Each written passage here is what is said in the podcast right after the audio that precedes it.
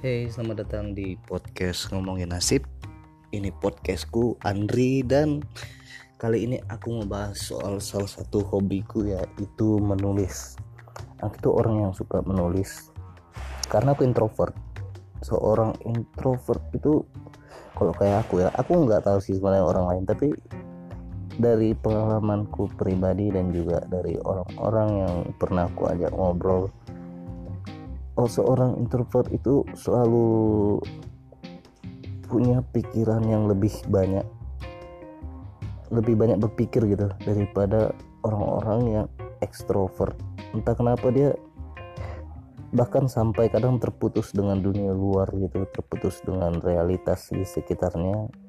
Karena ada pikiran ada uh, kegelisahan yang mendesak di dalam kepalanya gitu di dalam pikirannya. Ada diskusi yang muncul di dalam kepalanya. Padahal kalau kita lihat orang introvert itu dari luar gitu kayak diam diam gitu nggak kayak nggak ngapain tapi itu sebenarnya ada banyak hal yang berkecamuk di dalam pikirannya di kepalanya. Nah aku itu orang yang kayak gitu. Oh, seorang introvert. Sering-sering kayak gitu. Menyendiri jadi jatuhnya jadi suka menyendiri karena daripada berada di tengah keramaian tapi nggak connect gitu sama orang lain nanti dicap sombong gitu. Atau dicap uh, apa namanya uh, antisosial kan sering ansos. Kalau bahasa-bahasa sekarang itu banyak itu ansos. Jadi ada pikiran-pikiran yang berkecamuk di kepala. Kalau gabung ntar jadi diam-diam aja. Nggak asik juga kan membunuh suasana gitu akhirnya memilih menyendiri aja di kamar sendirian gitu mikir nggak apa-ngapain mikir dong gitu. Mikirnya juga belum tentu mikir hal yang berat mikir berpikir dalam pengertian intelektual gitu belum tentu. Bisa jadi cuman uh, daydreaming. Uh, daydreaming itu kayak berangan-angan gitu. Atau monkey monkey apa istilahnya. Jadi ya gitu itu ya ya mungkin bentuknya males-malesan tidur-tiduran tapi dalam pikiran berkecamuk banyak hal yang kayaknya eh, kaitannya satu sama lain itu belum terlalu nyambung jadi harus berupaya keras untuk mengaitkannya gimana ya chaos gitu ada chaos di kepala gitu nah Cara aku mengatasinya adalah dengan menuliskannya. Chaos di kepala aku itu kutuliskan. Dan itu membuat aku menjadi suka menulis. Karena menulis itu adalah solusi bagi chaos yang muncul di kepalaku gitu. Mungkin kamu yang mendengar ini adalah seorang introvert, kamu mungkin bisa menggunakan solusi yang sama. Kalau kamu selama ini belum pernah mencoba untuk menulis gitu coba aja menulis itu bisa sangat membantu untuk mengurangi chaos. Mengurangi ya kalau menghilangkan sama sekali susah sih susah. Terlahir introvert itu semacam kutukan tapi juga anugerah. Kenapa anugerah? Jadi karena ketika kita bisa memanfaatkannya dengan baik misalnya dengan cara menuliskannya ya kita bisa menghasilkan karya jadinya jatuhnya. Kita bisa menghasilkan karya tulis. Aku dulu bekerja sebagai penulis lepas dan itu cukup uh, ada ada hasilnya gitu dibayar gitu kan padahal aku hanya menumpahkan memuntahkan ya memuntahkan. Bayangan gitu aku kayak muntah itu memuntahkan apa yang ada di kepalaku kumuntahkan itu ke dalam kata-kata yang tertulis ku ketik di laptop itu apa katanya. Apa yang muncul ketik aja muncul ketik muncul ketik. Akhirnya terciptalah sebuah tulisan yang chaos juga seperti chaos di kepala kita tuh pindah ke chaos di Microsoft Word ke kertas putih yang ada di laptop yang muncul di monitor laptop itu berisi kata-kata jadinya. Kata-kata yang gak beraturan juga. Nah next stepnya tahap berikutnya adalah mengeditnya. Jadi kata-kata kayak yang chaos tadi mulai diedit. Lebih gampang editnya daripada cuman kita berupaya mengeditnya terlebih dahulu di kepala kita itu yang ku alam itu pengalamanku sebagai seorang introvert yang menulis. Jadi chaos di kepalaku kutuangkan ke Microsoft Word lalu ku edit tulisan chaos tadi. Akhirnya jadilah sebuah tulisan yang indah jadi sebuah produk gitu jadi suatu hasil yang mungkin ada order di luar sana ada misalnya media gitu yang mau menerima tulisan itu akhirnya diterbitkan akhirnya aku dapat duit. Itu kan lumayan nulis itu enak. Kalau ada yang ada penulis zaman dulu itu bilang aku lupa siapa sih. Kalau kamu ingin hidup abadi menulislah. Nah, karena tulisan itu enggak kalau kita bisa mati tulisan itu nggak bisa mati. Selama masih bisa dibaca ya dia akan tetap hidup. Dia akan tetap tertransfer dari dari kita ke tulisan ke pikiran pembaca gitu ada transfer ide yang terjadi. Dan mungkin dia akan menuliskannya lagi dalam bentuk yang lain. Dia terinspirasi mungkin akhirnya spiritnya itu tetap hidup berkembang menyebar. Menyebar. Kalau ide itu ber, perkembangannya itu kalau dalam uh, ilmu biologi saya apa ilmu kekinian lah gitu. Ada namanya ilmu memetika. Kalau berdasarkan memetika ya ya itu tadi ide itu berkembang dengan cara mengcopy dirinya sendiri. Jadi itu ide yang tertanam di tulisan kita itu terkopi ke pikiran orang lain. Menyebar. Bayangin betapa betapa ber, bergunanya berharganya menulis itu gitu. Aku orangnya lebih ke menulis sih daripada berbicara. Katanya kan kalau kita uh, berkomunikasi itu ada kalau kita punya ide minimal jangan kan punya ide minimal kita punya satu dari dua keterampilan antara pinter bicara pinter pinter ngomong sama pinter menulis. Nah aku lebih mengarah ke keterampilan yang kedua tadi yang menulis. Walaupun aku bikin podcast kayak gini. Podcast ini kan ngomong nih nggak nulis dan aku nggak menyediakan skripnya gitu. Bisa jadi ada orang bikin podcast itu ditulis dulu. Kalau dia memang penulis kan dia ini nulis dulu terus skripnya dibacain jadi podcast. Nah aku bukan tipe aku tidak mau kayak gitu dalam podcast ini karena ya skill ngomong juga kan penting juga.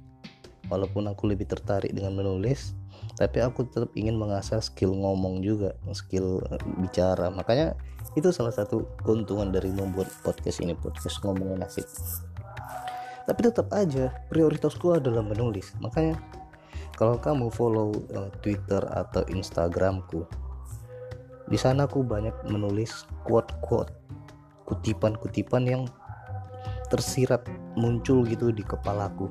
Ada satu kalimat teng gitu muncul. Langsung aku tulis tuh di di handphone tulis ada templatenya. Uh, dia templatenya merupakan semacam promosi gitu juga itu promosi podcast ini gitu. jadi uh, ke kesenanganku menulis tetap ku ku iniin melalui ngomongin nasib ini. Tetap ku akomodir dengan cara membuat kutipan-kutipan yang ku posting di di akun media sosial. Ada banyak satu hari bisa tercipta beberapa gitu tapi aku membatasi postingannya itu hanya dua. Supaya nggak banjir juga kan di timeline orang lain. Jadi kalau kamu buka Twitter atau Instagramku add ngomongin nasib di situ aku ada quote-quote yang semoga kalau kamu membacanya uh, ada sedikit tercerahkan atau mungkin cuma terhibur ya itu nggak apa-apa juga. Pastinya bernilai. Kutipan-kutipan yang kubagikan di akun media sosial itu bernilai itu bisa kupastikan dan itu juga bisa kamu jadikan caption caption untuk foto-foto di Instagram kamu. Karena zaman sekarang kan orang kalau mau mau ngap, apa mau pamer foto gitu upload tuh foto di Instagram. Diedit eh, diedit pakai filter kan. Setelah diedit pas waktu dia menguploadnya dikasih caption kata-kata bijak. Itu lagi ngetrend tuh gitu. Foto dikasih caption kata-kata bijak. Nah kamu bisa ngambil caption dari ngomongin nasib. Jadi Instagram kamu makin kece. Makanya follow itu Instagram ngomongin nasib. Banyak itu kata-kata. Dan aku nggak membatasinya dalam uh, dalam tema tertentu gitu. Nggak apa yang muncul gitu aja udah aku ketik. Aku ketik bikin ke template promosinya. Menurut itu seru karena kita bisa berkomunikasi tanpa bertemu langsung itu satu paling aku sukanya. Jadi aku harapanku sih orang-orang yang setuju dengan pemikiranku bisa terhubung denganku gitu. Bukan berarti aku lebih pinter enggak. Cuman aku pengen terhubung pengen berkomunikasi ya komunikasi kom, intinya sih komunikasi ya. Ingin uh, ngobrol secara tidak langsung melalui tulisan. Karena manusia itu pada dasarnya malu sosial walaupun seorang introvert yang cenderung menyendiri itu bukan karena dia antisosial tapi karena dia punya pikiran pikiran yang berkecamuk. Waduh kalau bisa digambarkan itu chaos banget yang ada dalam pikiran seorang seorang introvert. Chaos banget. Kalau kamu pernah nonton film Batman itu ada Joker musuhnya. Joker itu kan suka kekacauan. Aku yakin dia itu introvert ya. Introvert akut. Nggak ada temennya dia itu. Uh, dia suka nyendiri. Terus dia mewujud nyatakan chaosnya itu. Bukan berarti dia nggak ada yang mau nemenin atau dia nggak mau berteman sama orang lain enggak. Se sebenarnya dia punya teman tapi dia memilih untuk menyendiri gitu.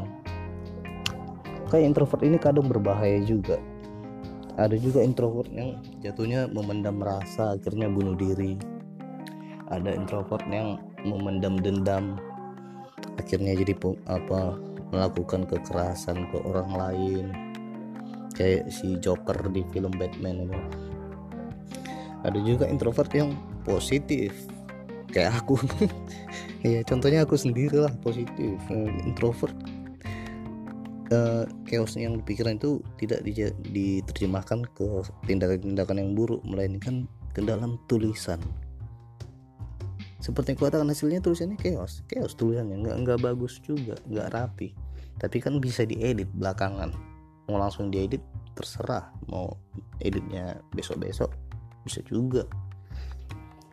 Aku punya, banyak notes di laptop tulisan-tulisan yang kacau balau. Ya aku biarin aja di situ. Kadang kalau lagi mood lagi pengen udah kerjain di edit ngerjainnya kan gampang tinggal ngedit bahannya udah ada bahan yang kacau balau tadi. Itu sih kalau di kalau ada yang nanya apa sih cara tips menulis rahasia menulis ya tuangkan aja pikiran kamu ke ke dalam tulisan seburu apa pun itu gitu. ngeditnya belakangan. Nah, itu itu tips tips. Dapetin satu tips. Tapi itu semata-mata karena aku introvert. Aku nggak tahu bagaimana orang ekstrovert bisa menulis? Aku nggak tahu. Kalau orang introvert aku tahu tahu persis tahu banget. Karena aku orang yang kayak gitu. Just dan aku juga pengen pengen tahu juga uh, rahasia-rahasia dari teman-teman introvert yang lain. Paling senang kalau dapat teman introvert sesama introvert itu ketemu ketemu gitu. Orang yang mengalami kegelisahan yang sama yang melalui cobaan yang sama masalah yang sama karena masalah introvert itu sama. Dia pasti juga mendapat tuduhan sombong atau antisosial atau kebanyakan mikir. Dan itu nggak dibuat mereka orang-orang ini nggak tahu introvert itu nggak membuat buat itu. Dia tidak sedang acting atau sedang menciptakan dirinya gitu. Uh, apa ya gimana orang introvert itu bukan bukan bukan sedang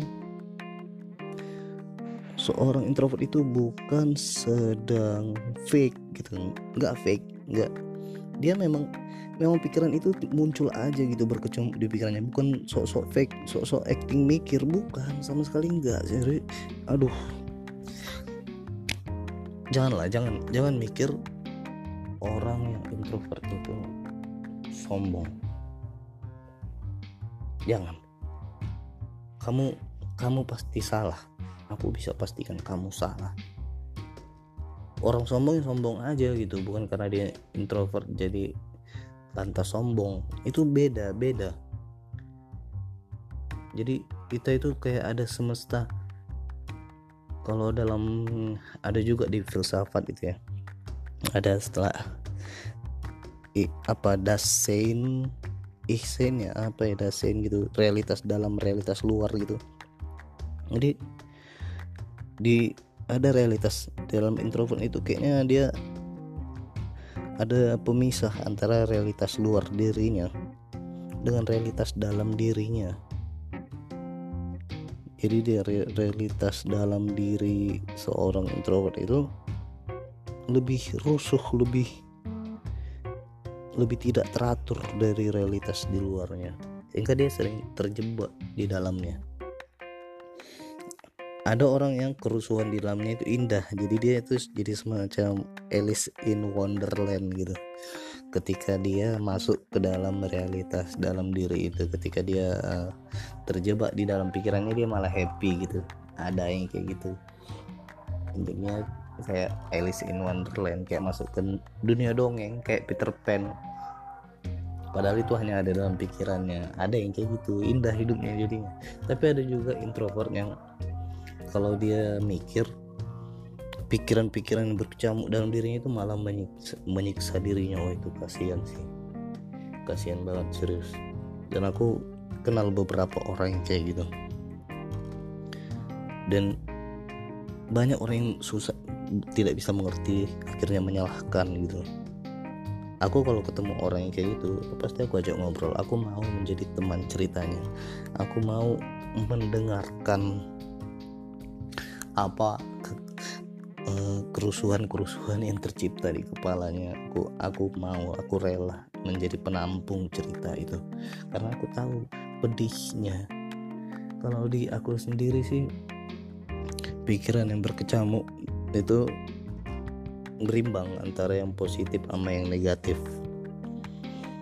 Tapi apa pun itu aku masih aku bisa mengatasinya dengan itu tadi menulis. Menulis itu sangat sangat sangat membantu bagi seorang yang berkepribadian introvert. Outlet menulisnya itu ada banyak. Kalau aku ya, ada cerpen, ada novel, ada esai, artikel opini, ada banyak sih. Tapi aku dulu paling sering nulis artikel opini kirim di koran. Ada juga beberapa cerpen cerpen yang kutulis itu konsepnya surrealis gitu uh, dia bicara realita tapi menembus realita itu sampai ke tahap yang absurd. Ya aku rada-rada absurd. Orang bercanda juga suka absurd gitu. Ya aku pernah nulis novel juga novel. Ada dua novel yang pernah aku tulis tapi ya di pasar kurang laku. Karena aku nggak memasarkannya juga. Ya gimana mau laku ya? Nggak dijual ya oh, jualnya cuma lewat Facebook doang. Yang beli ya teman-teman dekat udah. Aku juga nggak ngerti digital marketing yang apa segala macam itu kan. Akhirnya ya gitu. Uh, jualan jualan novelnya tangan ke tangan aja. Jadi ada ada dua novel pernah aku tulis. Satu judulnya senyumnya. Itu novel thriller. Yang kedua judulnya Jomblo Man itu action comedy novel action comedy Jomblo Wis, itu kebanggaanku. Aku sangat sangat bangga. Masalahnya novel Jomblo Man yang aku tulis itu apa ya? Uh, kotor. Jorok-jorok. Banyak banyak ceritanya yang jorok yang kalau anak Eh, nggak bagus lah dibaca untuk orang yang remaja ke, ke bawah gitu. Uh, dia itu tingkat ke kejorokannya itu kayak uh, komik krayon sinchan bisa ya tingkat tingkat ya tingkatan kejorokan ya. Tapi ceritanya bagus. Aku bangga dengan ceritanya. Aku nggak nyangka juga bisa membuat novel sehebat itu. Eh hebat serius. Dia bicaranya itu tentang superhero. Novel superhero jomblo men. Aku bangga dengan tulisanku sendiri narsis. Dan aku juga bangga sama podcast ini. Walaupun nggak jelas gini apa yang dibilang itu apa yang dikatakan dengan logat logat ya logatku itu uh, dialek dialekku dalam ngomong itu itu lebih ke bahasa Indonesia baku dan bahasa asliku bahasa orang Batak ya kurang nyaman mungkin di telinga pendengar tapi ya ya udahlah ya gimana? Daripada aku fake mending aku gini jujur-jujuran. Sampai jumpa ya di podcast berikutnya. Semoga kamu suka dengan isinya walaupun disampaikan dengan logat yang aneh. Dan isinya juga aneh. Dadah